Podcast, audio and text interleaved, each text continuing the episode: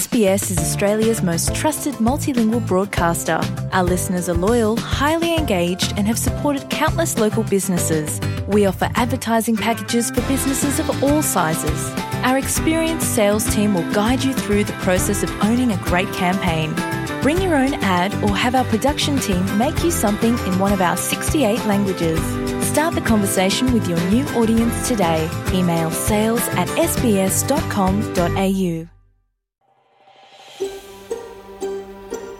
Vi ste uz SBS na srpskom. Pronađite još interesantnih priloga na sbs.com.au kosacrta srbijen.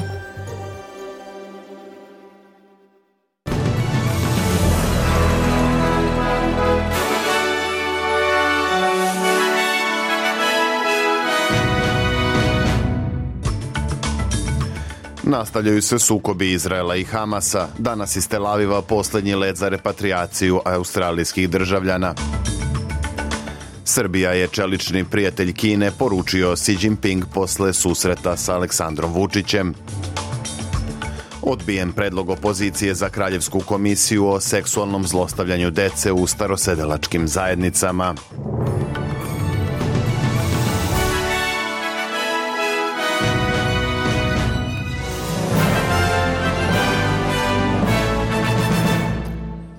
Australijska ministarka unutrašnjih poslova Claire O'Neill pohvalila je napore australijskih graničnih snaga na obezbeđivanju bezbednog povratka državljana Australije iz Izraela i pojasa Gaze.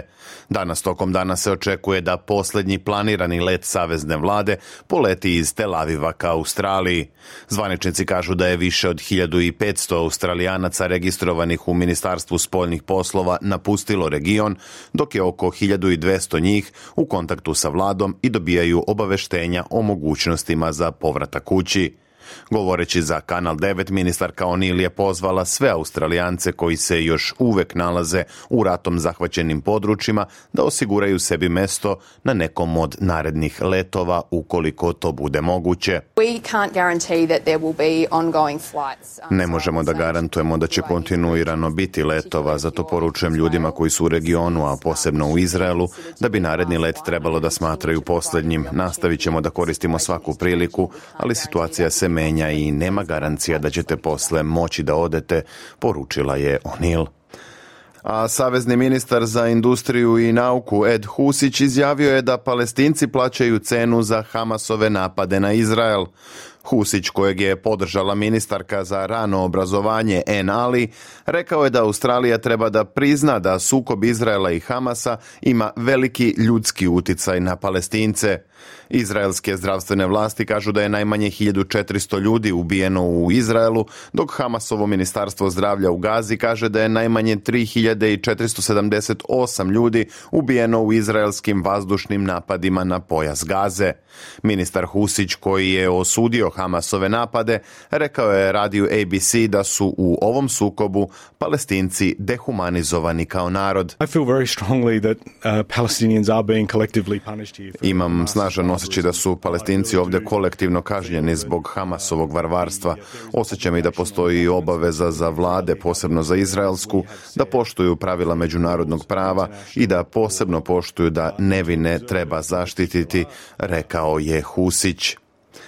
Egipatski predsjednik Abdel Fattah el-Sisi pristao je da otvori granični prelaz prema Gazi kako bi ka toj oblasti moglo da pređe 20 kamiona humanitarne pomoći. Američki predsjednik Joe Biden koji je boravio u poseti Izraelu u sredu je potvrdio da je imao telefonski razgovor sa egipatskim predsjednikom koji je pristao da ponovo otvori granicu. Ujedinjene nacije saopštile su da je milion ljudi raseljeno u Gazi od početka sukoba između Izraela i Hamasa, pri čemu se mnogi suočavaju sa nestašicom hrane, vode i drugih zaliha. Američki predsednik je pred povratak za Vašington izjavio da obećava solidarnost sa Izraelom i podržao izveštaj te zemlje o eksploziji u bolnici u Gazi, u kojoj je, kako tvrdi Hamas, poginulo najmanje 500 ljudi. Hamas za ovaj napad okrivljuje Izrael, dok izraelska strana strana tvrdi da je eksploziju izazvala neispaljena raketa druge militantne grupe islamskog džihada koja takođe negira odgovornost. Vlada Australije obezbedit će 50 miliona dolara za australijske sinagoge, džamije i verske škole radi poboljšanja njihove bezbednosti. Vlada premijera Albaneze je objavila da finansiranje ima podršku obe vodeće stranke, te da je odluka doneta nakon što je generalni direktor obaveštajne službe ASIO Mike Burgess upozorio da bi ekstremisti mogli da iskoriste sukob Izraela i Hamasa kao izgovor za nasilje u Australiji. I jevrejska islamska zajednica izrazile su strahovanja nakon nedavnih napada ekstremista u Francuskoj, Belgiji i Sjedinjenim državama. Srpski patrijarh Porfirije poručio je da smo u ratovima svi poraženi i da nema pobednika bez obzira na to kako su ratovi počeli. Porfirije je u poruci objavljenoj na Instagramu istakao da u svetoj zemlji koja je pogođena ratnim sukobima stradaju nevini ljudi i hrišćani i jevreji i muslimani i tim povodom uputio je molitvu za mir a predsednik Srbije Aleksandar Vučić završio je trodnevnu posetu Kini gde je učestvovao na međunarodnom forumu Pojas i put. Srpska delegacija koju je predvodio obavila je niz bilateralnih razgovora sa brojnim svetskim liderima. Vučić je među najvažnije svrstao sastanak sa kineskim predsednikom Xi Jinpingom. Utiske posle razgovora preneo je i predsednik Xi koji je Srbiju nazvao čeličnim prijateljem Kine. Bilateralni odnosi dve zemlje poslednjih godina izdržali su promene u međunarodnom okruženju i primer su kako treba da izgledaju prijateljski odnosi Kine sa evropskim zemljama, istakao je Xi Jinping. On je takođe ponovio da Kina čvrsto podržava Srbiju u očuvanju nacionalnog suvereniteta i teritorijalnog integriteta i da je spremna da nastavi da jača stratešku sinergiju sa Srbijom kako bi se tradicionalno prijateljstvo dve zemlje pretočilo u više plodova praktične saradnje suradnje. Kako prenosi RTS, Srbija i Kina su potpisale 18 sporazuma u prethodna tri dana, a najznačajniji je sporazum o slobodnoj trgovini koji predviđa postepeno i potpuno ukidanje carina na kinesku i srpsku robu u sledećih pet godina. Potpisani su i sporazumi iz oblasti kulture, infrastrukture, odbrane, unutrašnjih poslova, kao i ugovor o izvozu srpskih jabuka na kinesko tržište. Potencijale dogovorene saradnje sumirao je i predsednik Srbije Aleksandar Vučić, koji je istakao da ono što je potpisano u Kini ima istorijski značaj i karakter i da će se to videti u narednim godinama i decenijama. Administrativni prelaz Jarinje otvoren je za kretanje iz centralne Srbije ka severu Kosova i Metohije javlja radio televizija Srbije. Međutim, navodi se da otvaranjem Jarinja nisu rešeni problemi onih koji žive u selima uz administrativnu liniju, a kojima su nedavno blokirani putevi. Punkt Jarinje otvoren je 24 dana posle oružanog sukoba u Banjskoj, a blokadu prelaza kosovska policija je opravdala pretragom terena. Ranije je otvoren i administrativni prelaz Brnjak koji je korišćen kao jedini prelaz u oba smera.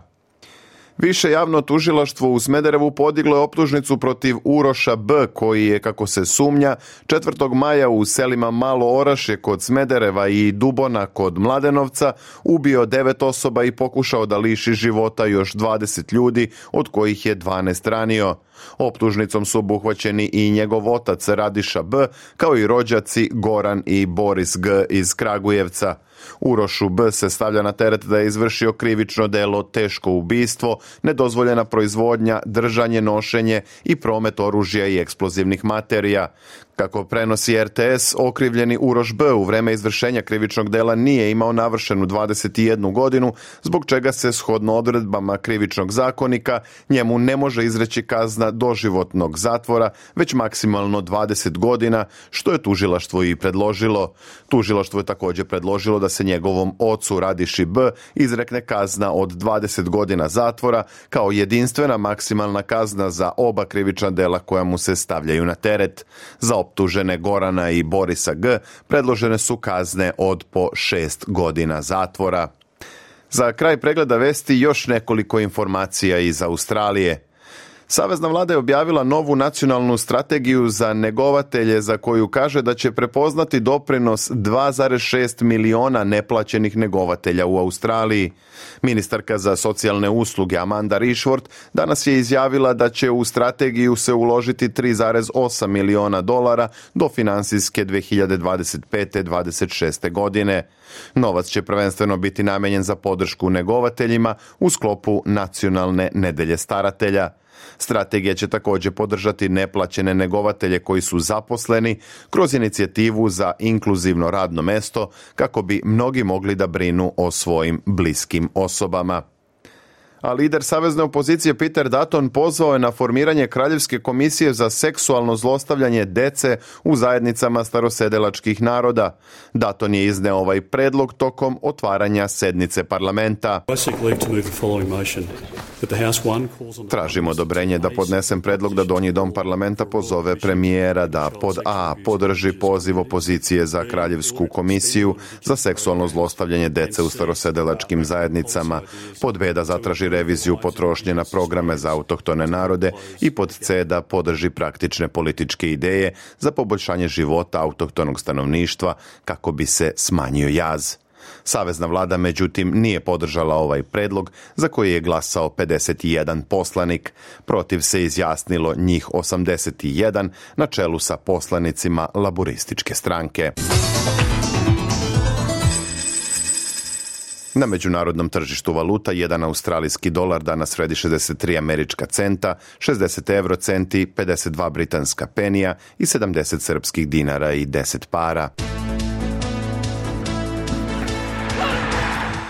Od sportskih vesti danas izdvajamo. Srpski teniser Miomir Kecmanović plasirao se u četvrt finale ATP turnira u Stokholmu, pošto je sa 2-0 u setovima savladao prvog nosioca Holgera Runea. Pobeda protiv Danca, koji je šesti teniser sveta, jedna je od najvećih u Kecmanovićevoj dosadašnjoj karijeri. On će se u borbi za plasman u polufinale sastati sa boljim iz duela između Šveđanina Imera i Hrvata Prizmića. U četvrtfinale u Stokholmu plasirao se i Laslo Đere, koji je takođe u dva seta savladao Amerikanca J.J. Wolfa a najbolji teniser sveta Novak Đoković igraće i u single i u dubl konkurenciji na predstojećem Mastersu u Parizu. Đoković će nastupiti u paru s Kecmanovićem kako bi se što bolje pripremio za završni turnir Davis Kupa koji se igra u novembru u Malagi. Novaku će Mastersu u Parizu koji počinje 30. oktobra biti prvi turnir posle osvajanja US Opena početkom septembra. Brazilski futbaler Neymar teško se povredio na utakmici protiv reprezentacije Urugvaja u kvalifikacijama za svetsko prvenstvo. Napadač saudijskog Al Hilala povredio je prednje ukrštene ligamente kolena i očekuje ga duga pauza. Za Neymara je tekuća sezona završena, javili su brazilski mediji a futbaleri Crvene zvezde i Smedereva prvi su učesnici osmine finala Kupa Srbije. Zvezda je odbranu pehara počela ubedljivom pobedom protiv trećeligaša Trajala u Kruševcu od 6-0, dok su Smederevci priredili veliko iznenađenje eliminacijom TSC-a. Utakmica je završena bez pobednika 1-1, a futbaleri Smedereva su bili precizniji u penal seriji i slavili ukupnim rezultatom 6-5. Za to vreme košarkaši Crvene zvezde poraženi su u trećem kolu Evrolige od Monaka u Beogradu 76-82. Dan ranije poraz je zabeležio i drugi srpski predstavnik Partizan koji izgubio od Barcelone 92-83. Partizan u narodnoj rundi već u petak ujutro po australijskom vremenu igra protiv Olimpijakosa u Atini, dok Zvezda dan kasnije gostuje Virtusu u Bolonji. Evo i vremenske prognoze za sutra. U Sidneju sunčano uz maksimalnu temperaturu od 25 stepeni, u Melbourneu uglavnom sunčano i 27, a u Kamberi takođe vedar dan i 26. U petak u Pertu sunčano i 27, u Brisbaneu povremeno oblačno i 28, a u Adelaidu će se takođe smenjivati sunce i oblaci do 28 stepeni. Sutra u Darwinu uglavnom sunčano i 34, a u Hobartu moguća kiša i najviše 19 stepeni. U Srbiji danas kišovito, temperatura od 13 do 26 stepeni. Bilo je to sve u pregledu vesti na srpskom jeziku za 19. oktobar 2023. Za više informacija posetite sbs.com.au kosacrta news.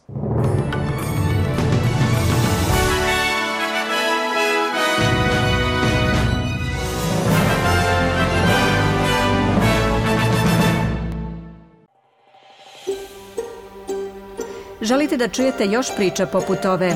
Slušajte nas na Apple Podcast, Google Podcast, Spotify ili odakle god slušate podcast.